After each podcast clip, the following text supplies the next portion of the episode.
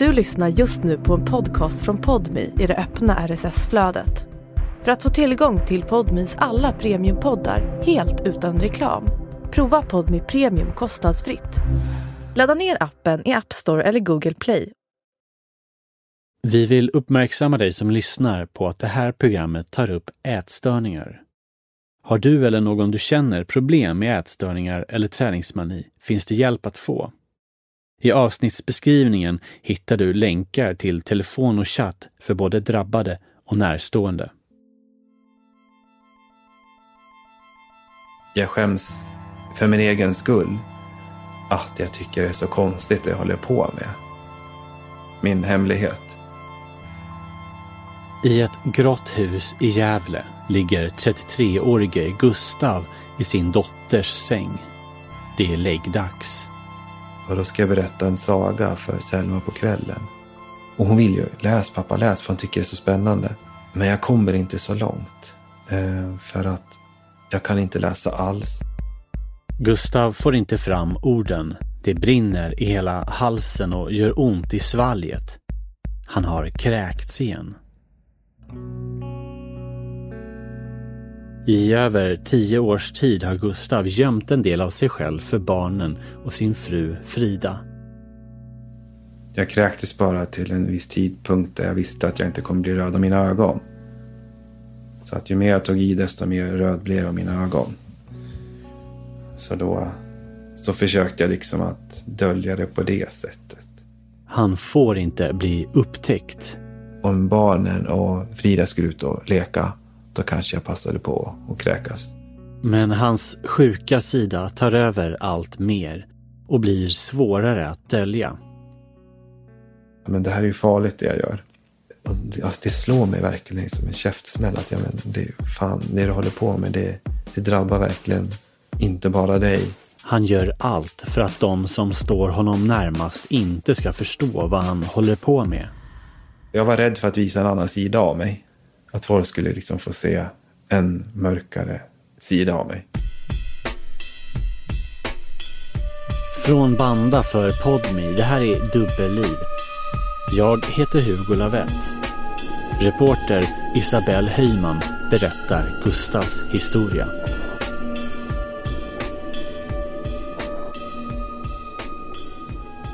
Jag har alltid varit kreativ och haft supermycket saker att göra. Eh, och eh, jag har haft ganska svårt att sitta och bara chilla. Det är hösten 2006. Gustav är 19 år och har precis gjort lumpen när han bestämmer sig för att plugga till arbetsterapeut i Umeå.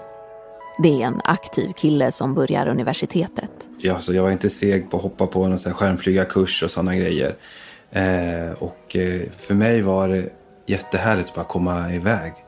Liksom att få, just att det här, det här att få, få klara sig själv. Gustav är uppvuxen i Östhammar. En liten idyllisk ort med 5 000 invånare norr om Uppsala. Här finns inte så mycket mer än Ica, Konsum och några små butiker. Han och tvillingsystern lämnar föräldrahemmet ett tag efter gymnasiet och drar åt varsitt håll. Gustav dimper ner i den stora universitetsstaden Umeå. Första tiden har han inte så mycket vänner. Så för att få tiden att gå börjar han gymma och springa. Något han aldrig gjort innan.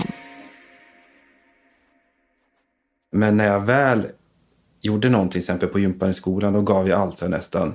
Simma, då gav jag verkligen allt.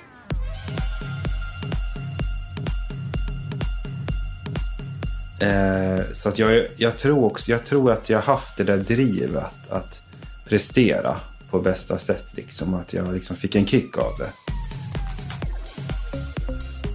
Samma blir det med träningen i Umeå. När jag väl hittade träningen, då gick jag all in. För jag, jag är alltid så att antingen är jag all in eller är jag inte alls då. Det är en otränad kille, men utan extra kilon som går in på det stora Iksu-gymmet i centrala Umeå. Eh, och då fanns det ju ganska många att jämföra sig med. Det gjorde det. Eh, och jag jämförde mig ofta med de som kanske befann sig på en helt annan nivå än jag. Eh, som kanske vägde, kanske var två meter långa och vägde 110 kilo eller ännu mer. De jämförde jag mig med. Gustav står på gymgolvet bland de fria vikterna och kollar sig i spegeln. Han tar upp mobilen och tar en bild innan han sätter igång med träningen. Han tittar på hur musklerna rör sig medan han lyfter vikterna. I slutet av träningspasset tar han fram ett måttband och mäter sina biceps.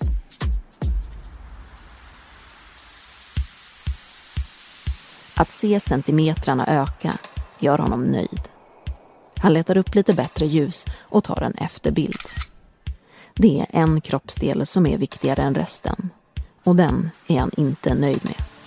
Jag tyckte att den skulle vara platt och ha ja, sexpack eller åttapack, jag vet inte. Men det skulle ha mycket rutor i alla fall.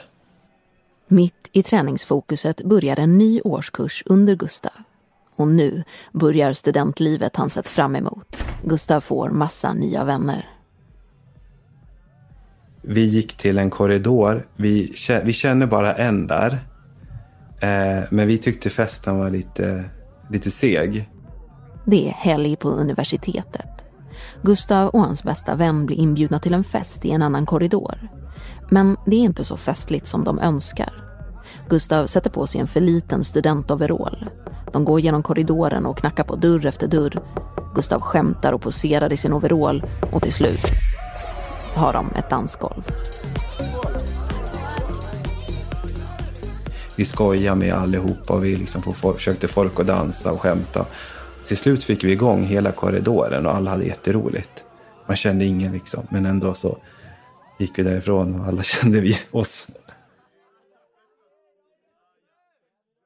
Gustav inte längre sysslolös och ensam på universitetet i Umeå. Väldigt glad, social, tycker om att träffa nya människor. Jag kanske ofta var den som sa något kul så här, på lektionerna istället för att säga någonting eh, nyttigt. Men lite blyg. Ändå också i den som ville hitta på saker och så.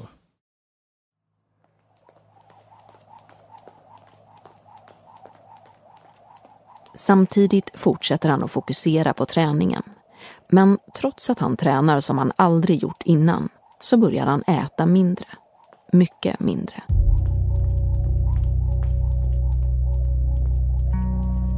När jag var hungrig och att det nästan gjorde ont i magen, eh, att, att jag kände verkligen att jag behövde mat.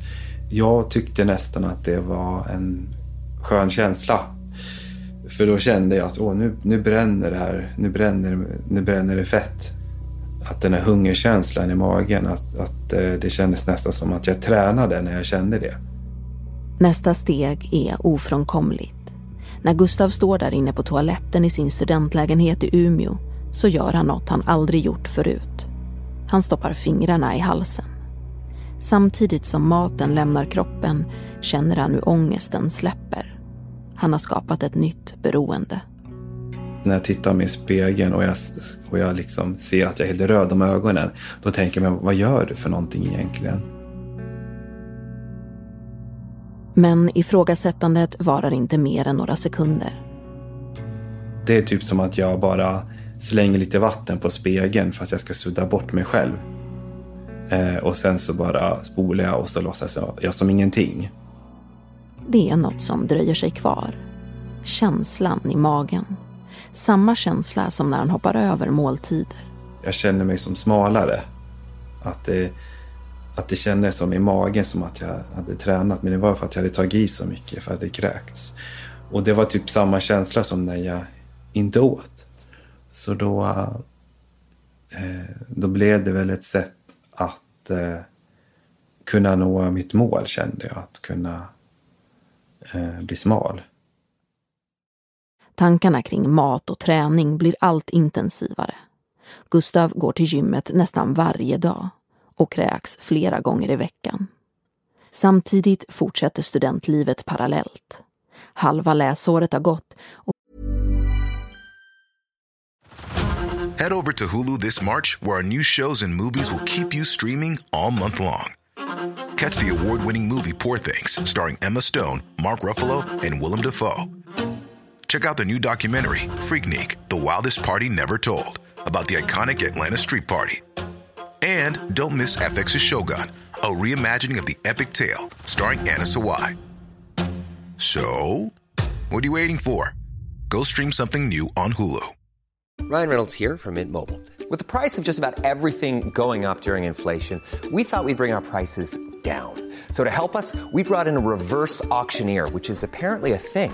Mint Mobile unlimited premium wireless. Ready to get 30, 30, bit to get 30, bit to get 20, 20, 20, bit to get 20, 20, bit to get 15, 15, 15, 15 just 15 bucks a month. So, Give it a try at mintmobile.com/switch. slash $45 upfront for three months plus taxes and fees. Promo rate for new customers for limited time. Unlimited more than 40 gigabytes per month. Slows. Full terms at mintmobile.com. Och i korridorerna på universitetet har han sett en tjej som han inte kan glömma. Men som han inte vågat närma sig. Det var ju pirrigt, det var det nog från, från båda håll. Och jag tyckte det var lite gulligt också att han var lite sådär nervös. Att det kanske var lite mer jag som fick ta första steget sådär. Eh, Gustav blir bjuden på en förfest som leder till en fest som leder till en efterfest. Där, på plats, finns Frida. Och jag tyckte att hon hade så fina ögon och så ett härligt leende. han var gullig liksom och, och intressant och ehm, ja, rolig att prata med och Sen när vi snackade på efterfesten så tyckte jag att hon var väldigt rolig och hade härligt skratt. Och liksom var rolig att skämta med. Jag, jag försökte, jag var väldigt, väldigt liksom, jag var väldigt sprallig och glad kommer jag ihåg då. Och vi hade, jag hade riktigt kul också när vi snackade. första gången vi riktigt pratade då blev vi liksom sittande i den där soffan och jag kommer inte ihåg vad vi pratade om riktigt utan bara, bara att det var väldigt trevligt. Och då kände jag att ja, men hon vill jag, hon vill jag eh, lära känna mer. Frida och Gustav börjar chatta med varandra. De hörs varje dag. Gustav berättar om sin favoritfilm. Frida har inte sett den. Det är som upplagt för en myskväll. Då hade han ju en bränd skiva som kom han och knackade på där och så gav han mig filmen och så gick han. Så att, lite gulligt ändå. Alltså, så, ja, ehm, jag tänkte, ja, ja okej. Så satt jag och såg det själv.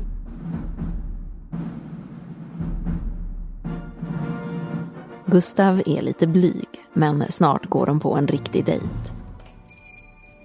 Frida och Gustav slår sig ner på den kinesiska restaurangen innan de ska på bio. Jag var väldigt nervös kommer jag ihåg när vi satt där och käkade innan bion. För jag tyckte hon var så söt liksom. Och då ville jag som... Då hade jag så svårt att äta upp maten kommer jag ihåg. Och jag, tänk, jag tänkte också hur hon skulle reagera på hur jag åt. Om jag skulle liksom kladda runt munnen och så. Så då fanns hon bara i tankarna. Så sen missar vi nästan bion vi ska till så vi får springa dit.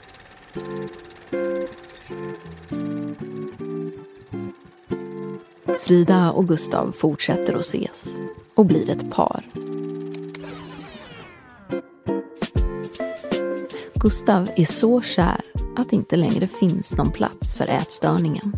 Med hennes sällskap så kunde jag som äta i lugn och ro utan att ha någon ångest över det. Första gången Frida bjuder på middag blir det älggryta. Hon har lagat den i kokvrån i studentlägenheten på 25 kvadrat. Rummet är nedsläckt och det står tända ljus på bordet. De äter och pratar och Gustav är där.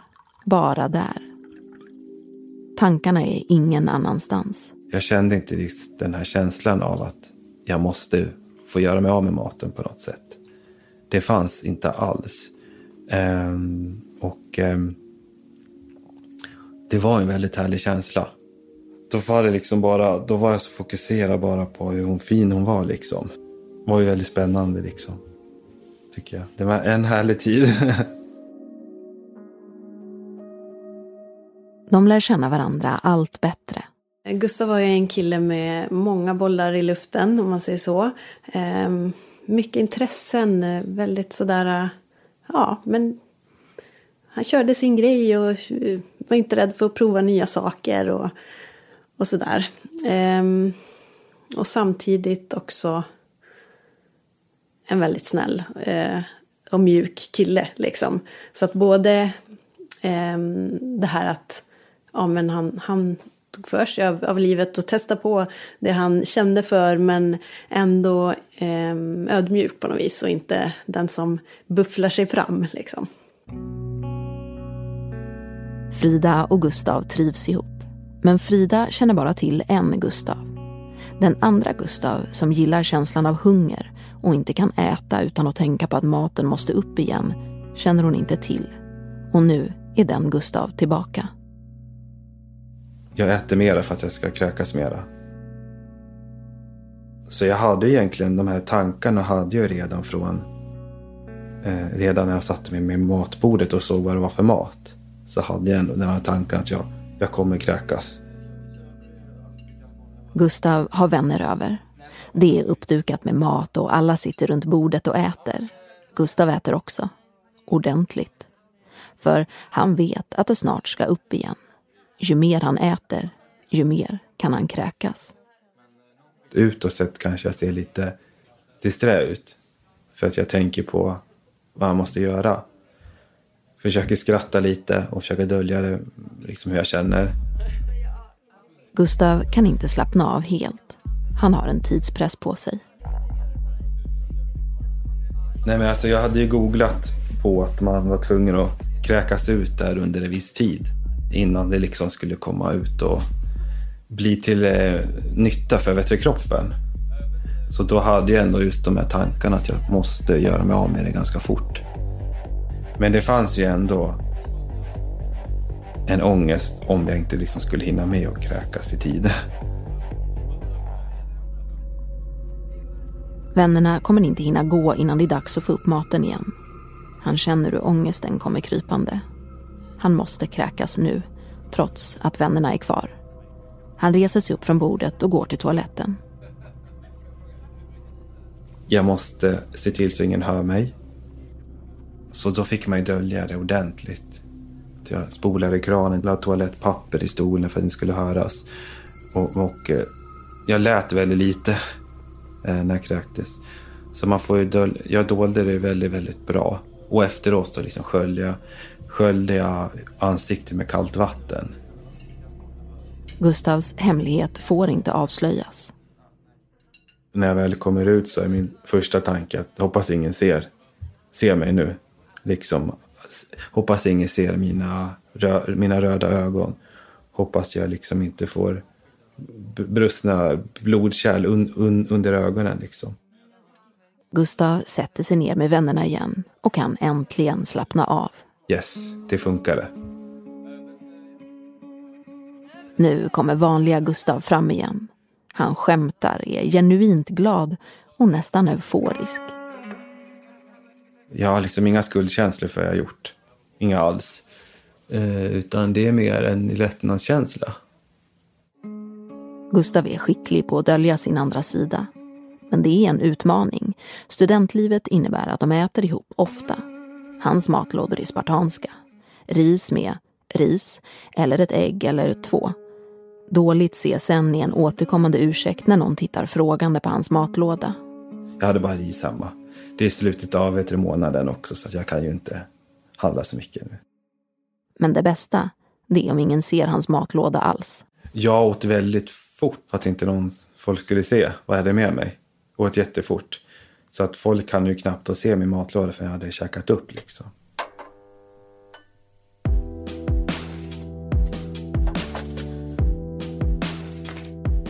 Frida och Gustav flyttar ihop. Han får svårare att dölja sin hemlighet. Men det går. Han har lärt sig att ljuga. Dåligt CSN, känslig mage, bakfull. Det kändes ju logiskt. Det var, det var liksom inget som stack ut så att, så att jag blev misstänksam på något vis. Det var liksom ingenting som, som gjorde att jag reagerade. Det var det inte. Så slutar Gustav och kräkas. För ett tag. Istället börjar han springa. Jag springer väldigt fort. Och ju jobbigare det känns, ju mer liksom trött i huvudet jag blir, desto mer känner jag att eh, det gör nytta för kroppen. För då tänker jag att då, då drar det bra liksom. Genom studentområdet, mot Umeälven. Han springer slalom mellan björkarna. Men Gustav ser varken björkar eller älven. Han fokuserar bara på farten. Jag vill springa så snabbt som möjligt dit innan, innan, innan den bilen eh, kommer till den björken. Jag vill, eh, jag vill springa Are you ready to enhance your future in tech? Then it's time to make your move to the UK, the nation that has more tech unicorns than France, Germany, and Sweden combined. The nation that was third in the world to have a $1 trillion tech sector valuation. The nation where great talent comes together. Visit gov.uk forward slash great talent to see how you can work, live, and move to the UK. Where's that dust coming from? Still finding debris after vacuuming? Eufy X10 Pro Omni Robot Vacuum has 8,000 PA of powerful suction to remove debris deep in carpets. And it's totally hands free. Want to know more? Go to eufy.com. That's EUFY.com and discover X10 Pro Omni, the best in class all in one robot vacuum for only $799. Om den som cyklar där med mountainbikes. Jag ville tävla med alla som, som kanske in, in, in, inte ens tävlade med mig. Frida anar inget. Han tränade ju ganska mycket, men det var ju också många andra som gjorde. Alltså de andra killarna i vår umgängeskrets tränade också väldigt mycket och de tränade tillsammans. Och det var ju, jag tänkte väl mer att det var ett intresse. Det blev nästan som, utman som utmaning att kunna dölja det. Eftersom utåt sett hade jag så himla roligt och var så rolig. Och det är den bilden av Gustav som inte får krackelera. Gustav är rädd för vad som ska hända om någon skulle förstå vad som finns under. Dels skäms jag liksom för hur, om andra ska upptäcka det, min hemlighet. Jag skäms för min egen skull. Att jag tycker det är så konstigt det jag håller på med. Jag känner mig svag. Rent krasst är det väl liksom hur hur folk ska se på mig. Att de ska tycka jag är konstigt, att, att de ska tycka, jag vet inte, psykiskt instabil liksom. Eh, att jag är sjuk, alltså att jag är konstig. För att jag, för att alla var ju vana att se mig väldigt glad och positiv och så.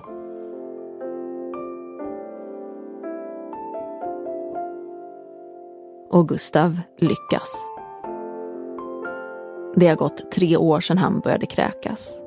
Ätstörningen har varit konstant närvarande under hela studietiden. Trots att han spenderat en stor del av sin vakna tid med sina vänner och med Frida har ingen avslöjat honom. Och nu är studietiden slut. Frida och Gustav drar tillsammans söderut. Båda två har fått jobb som arbetsterapeuter i Norrtälje utanför Stockholm. De flyttar in i ett grått parhus i närheten av en skog. Ätstörningen följer med och den blir värre. Springer mycket liksom och så äter jag mycket mindre än vad jag borde. Eh, och äter jag mer så gör jag mig av med den då. Men det blir väl en del mer av mig, mer och mer. skulle han lägga upp eh, mat till oss till dagen efter. Matlåda hade vi alltid med till jobbet och sådär. Så kunde jag ju reagera på att han, han gjorde ju, kunde ju nästan göra mindre mat till sig själv än till mig. Att, och jag tänker att han, han som tränar så mycket borde äta bra mycket mer. Vardagen rullar på. Åren går. Ätstörningen och träningsmanin hänger sig kvar. Känslan efter han kräkts. Känslan efter att han sprungit hårt och länge. Känslan av hunger. Det är de känslorna som gör det så svårt att komma ur det. För mig blev det som ett beroende, liksom, som en, för att det blev som en lättnad på något sätt. Eh, och I stunden kände jag skam, men sen blev det en viss lättnad. Liksom. Det kändes bra för stunden. Det har gått sju år sedan Gustav och Frida träffades i Umeå. I sju år har han dolt en stor del av sig själv. Nu är Frida gravid. Gustav hoppas att livet med barn ska göra det omöjligt att fortsätta med ätstörningen. Han tänker på ansvaret inför den nya fasen i livet. Nu har han möjlighet att bli en annan person. Jag kommer inte hinna, tänker jag då. Då har man så mycket kärlek att ge till till ett barn. Liksom, det är ju allt, det är fokus liksom. Så då kommer inte jag ha någon ätstörning. Lagom till barnet kommer vill han vara fri. Men istället blir det värre. Det är en kväll i början av februari. Frida är höggravid. Hon ska föda om bara några dagar. Innerst inne så vet jag att nej men alltså, jag måste vara hemma nu för att tänk om hon får verkar eller tänk om hon behöver hjälp med någonting liksom eller jag måste ju vara hemma och stötta henne. Men det kryper i kroppen på Gustav. Han måste få springa. Där, där, finns det ju ändå ett tvivel på att jag borde, jag borde skita i det här. Jag borde verkligen vara hemma. Men ändå så gör jag det. Gustav sätter på sig springkläder, tänder pannlampan och ger sig ut i mörkret. Han tränar inför tjurhuset och springer i diken med vatten upp till knäna i den folktomma skogen i Norrtälje. Risken att halka i leran är stor så han lämnar mobilen hemma. Några dagar senare kommer barnet.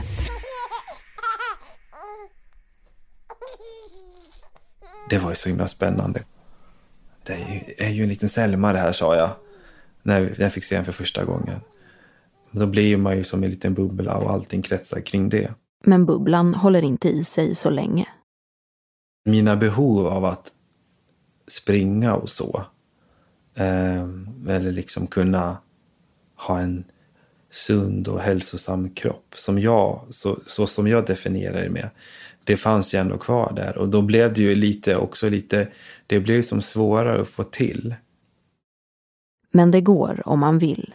Och den andra sidan av Gustav, den sjuka sidan, vill. Så även om jag har sovit jättedåligt på grund av att Selma skrikit liksom på natten så går jag ändå upp ja, halv fem, fem någonting sånt och springer. Eh, bara för att få till det. När jag får barn, då ändrar jag verkligen strategi.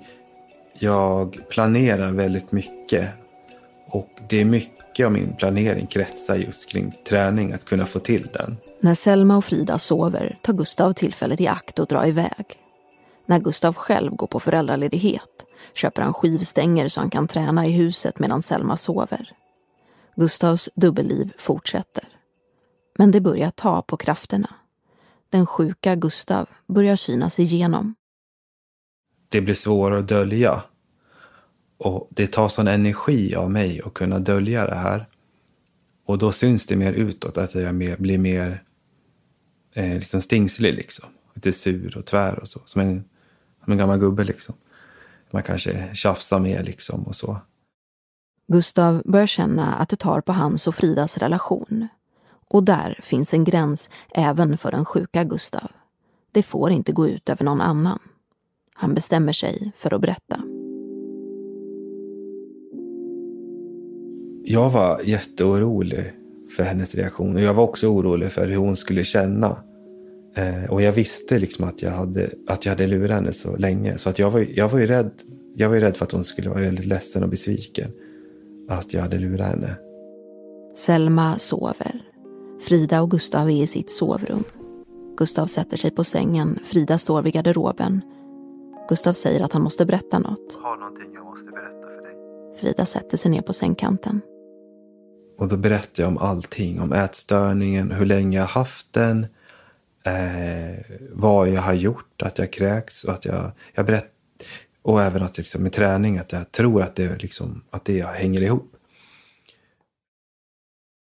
Nej, men det var ju en chock. Det var ju det. Just eftersom att jag hade ju inte alls tänkt tanken. Inte alls. Eh, så det, det kom verkligen som en chock. Ehm, och hur hade jag kunnat missa det, detta under flera, flera år?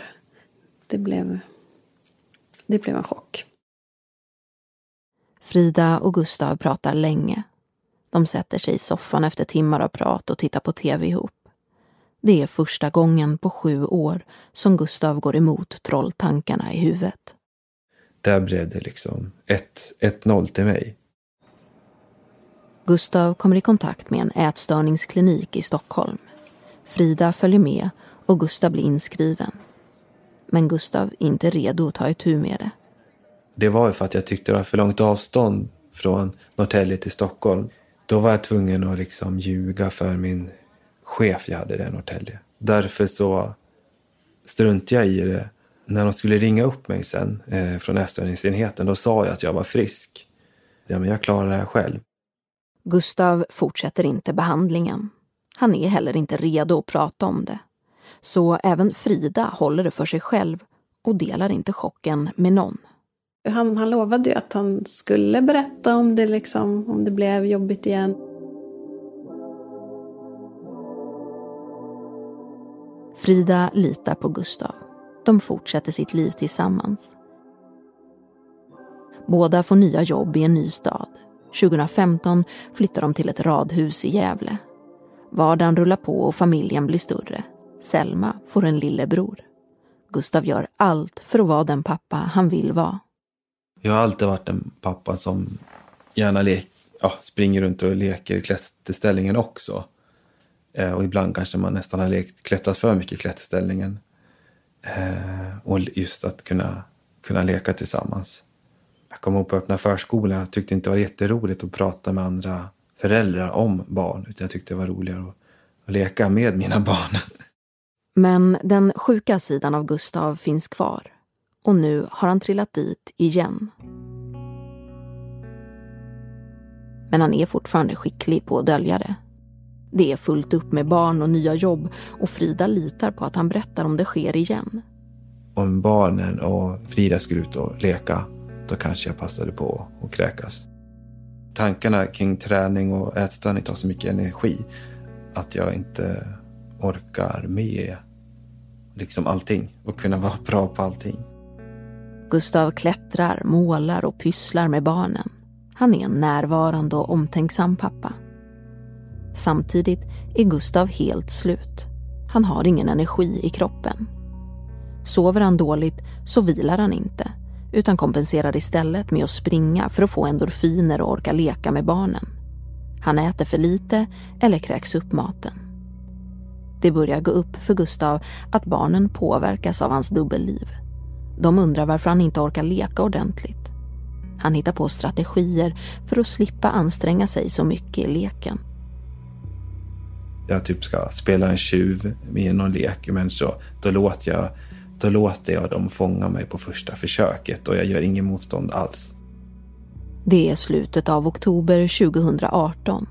Det är höst och friskt i luften. Frida, Gustav och barnen spenderar lördagen i skogen och leker bland löven. Allt går i ett och Gustav går upp i familjen och leken och till slut inser han att det inte finns tid till att springa. Men de ska äta extra gott idag och Gustav hade planerat in en springtur för att kunna njuta av middagen. Han äter med familjen ändå. Men så kommer ångesten. Eh, och då kräks jag så mycket så att jag får ont, jätteont i bröstet, ont i liksom svalget och jag får nästan liksom svårt att tungandas. Det, det känns sjukt jobbigt. Selma ligger i sängen. Hon vill att pappa ska läsa Bröderna Lejonhjärta. Pappa försöker, men det är svårt att få fram orden. Jag kan inte läsa alls. Och hon vill ju, läs pappa, läs, för hon tycker det är så spännande. Men pappa kan inte. Pappa ligger kvar och kvider i sängen och det brinner i halsen. Gustav säger att sagostunden är slut och går ut ur rummet. Och då blir jag jätteorolig. För jag vet inte, jag tycker det är så läskigt när min kropp reagerar så där. Och då känner jag, men det här är ju farligt det jag gör. Men jag tänker nästan ännu mer på att det drabbar mina barn. Och det, det slår mig verkligen som en käftsmäll att ja, men det, fan, det du håller på med, det, det drabbar verkligen inte bara dig.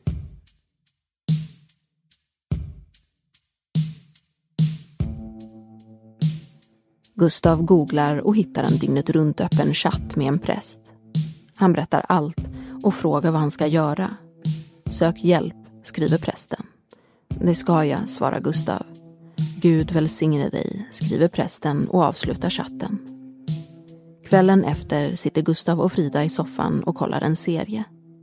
Och så pausar jag och så säger jag bara, du jag måste berätta någonting. Det är, det är ju alltid som en kalldusch när man får, får höra det, att jag måste berätta en sak. Då tänker man, oj, vad är det nu då? Det funkar inte längre. Jag, jag klarar inte av det, jag har kräkts igen, sa jag. jag måste söka hjälp.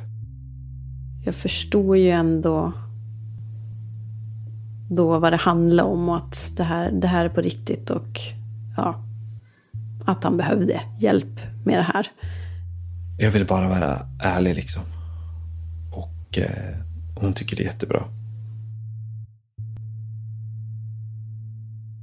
Samma kväll sätter sig Frida och Gustav ner och skriver en egen vårdbegäran på 1177 till en ätstörningsenhet. Gustav skriver flera A4-sidor och bifogar. De följande dagarna går det upp för Frida vad som precis har hänt. Det har gått fyra år sedan Gustav berättade första gången. Sedan dess har han än en gång dolt hur han egentligen mår. Man känner sig lite lurad. Att hur... Eh, för det här hade ju pågått under hela tiden som vi var tillsammans. Och eh, själv jag kände väl att själv har jag gått och trott att allt har varit bra och att vi har haft det bra. Sen förstår jag att det här inte har med mig att göra. Men ändå så har vi ju levt så nära in på varandra under flera, flera år. Eh, samtidigt som han har, har brottats med det här och ja, jag kände mig nog lite lite lurad och mycket tankar men vem, vem är vem är Gustav när han, när han inte har det här eftersom det var det enda jag hade sett. Efter en månad hör ätstörningsenheten av sig för en första träff. Det känns jätteläskigt. För att jag har haft de här tankarna då i över tio år. Eh, och jag vet att de är fel. Men det har ju ändå varit som en trygghet, för det här har ju varit den jag är. Eh, det har liksom varit mitt, mitt sätt att hantera saker. Nu måste jag hitta nya strategier för olika saker. Det är uppenbart att han måste sluta kräkas och börja äta bättre.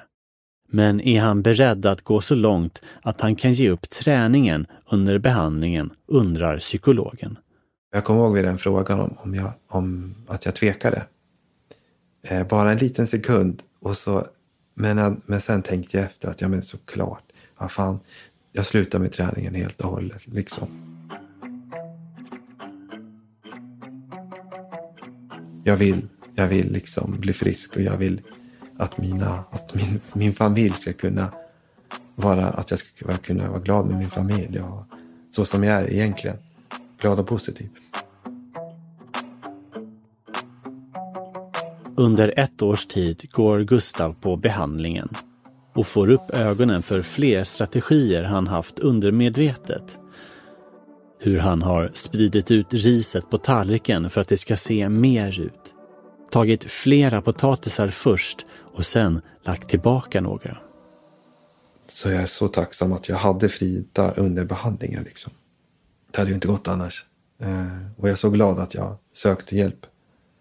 Eh, för då kunde jag liksom bli den jag är idag. Som jag egentligen alltid har varit. Jag är ju fri från de här tankarna. Idag är dubbellivet över sedan länge. Gustav är fri från ätstörningen och träningsmanin. Han är engagerad i föreningen Frisk och Fri som arbetar mot ätstörningar. Och han har skrivit klart en bok som han påbörjade under sjukdomen. I boken De bevingade skapade han en karaktär med både ätstörning och träningsmani. Det blev ett sätt för Gustav att acceptera att han hade problem. Han är ju Gustav och han är ju samma person men han är gladare och lugnare. Ehm, och mår bättre, det märker man ju. Men han är ju fortfarande samma roliga, kreativa, kärleksfulla person som han alltid har varit.